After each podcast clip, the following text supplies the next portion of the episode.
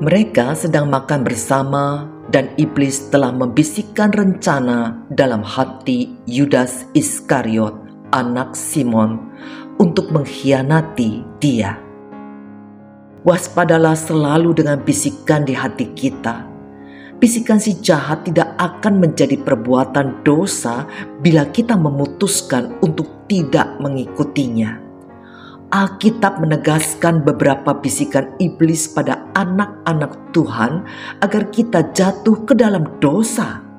Pertama, bisikan kompromi pada dosa dan bersahabat dengan dunia selalu ada bisikan dan godaan untuk hidup berdasarkan cara-cara duniawi yang bertentangan dengan firman Tuhan.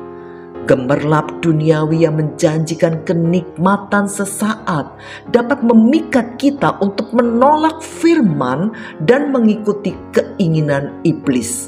Padahal di luar Tuhan semuanya adalah kesia-siaan belaka. Kedua, bisikan untuk membenci dan tidak mengampuni sesama.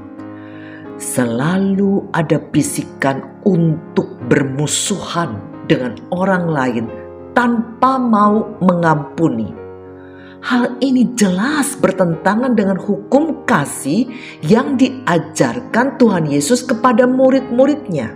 Seperti tertulis dalam Yohanes bab 13 ayat 34. Kata Yesus kepada murid-muridnya, Aku memberikan perintah baru kepada kamu, yaitu supaya kamu saling mengasihi. Sama seperti aku telah mengasihi kamu, demikian pula kamu harus saling mengasihi. Ketiga, bisikan untuk tidak merenungkan dan tidak melakukan firman Tuhan.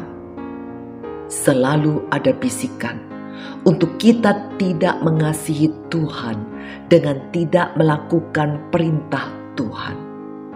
Hal ini dilakukan iblis karena dia tahu kekuatan kita terletak pada Tuhan. Ada banyak cara iblis yang membuat kita menjadi budak kegelapan. Amsal bab 3 ayat 5 mengajarkan, Percayalah kepada Tuhan dengan segenap hatimu dan janganlah bersandar kepada pengertianmu sendiri. Keempat, bisikan untuk tidak hidup dalam pertobatan selalu ada bisikan untuk kembali pada perbuatan manusia lama. Seringkali masalah dan tantangan hidup yang kita hadapi dapat memupuskan semua janji Tuhan yang kita terima. Bisikan-bisikan iblis tidak akan membuat kita berdosa asalkan kita tunduk pada Allah dan menolak mengikuti bisikan tersebut. Yakobus bab 4 ayat 7 berkata, "Karena itu, tunduklah kepada Allah dan lawanlah iblis, maka ia akan lari daripadamu."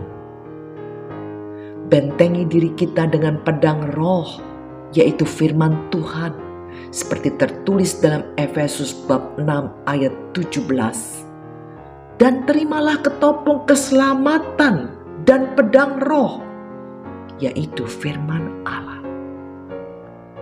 Belajarlah kepada Yesus ketika dicobai iblis di padang gurun setelah berpuasa 40 hari lamanya.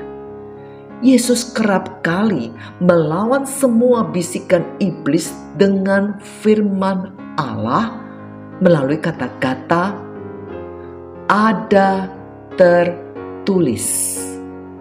Lalu disusul dengan firman Allah. Saudara, waspadalah pada bisikan maut iblis dan perkuatlah diri kita dengan firman Tuhan.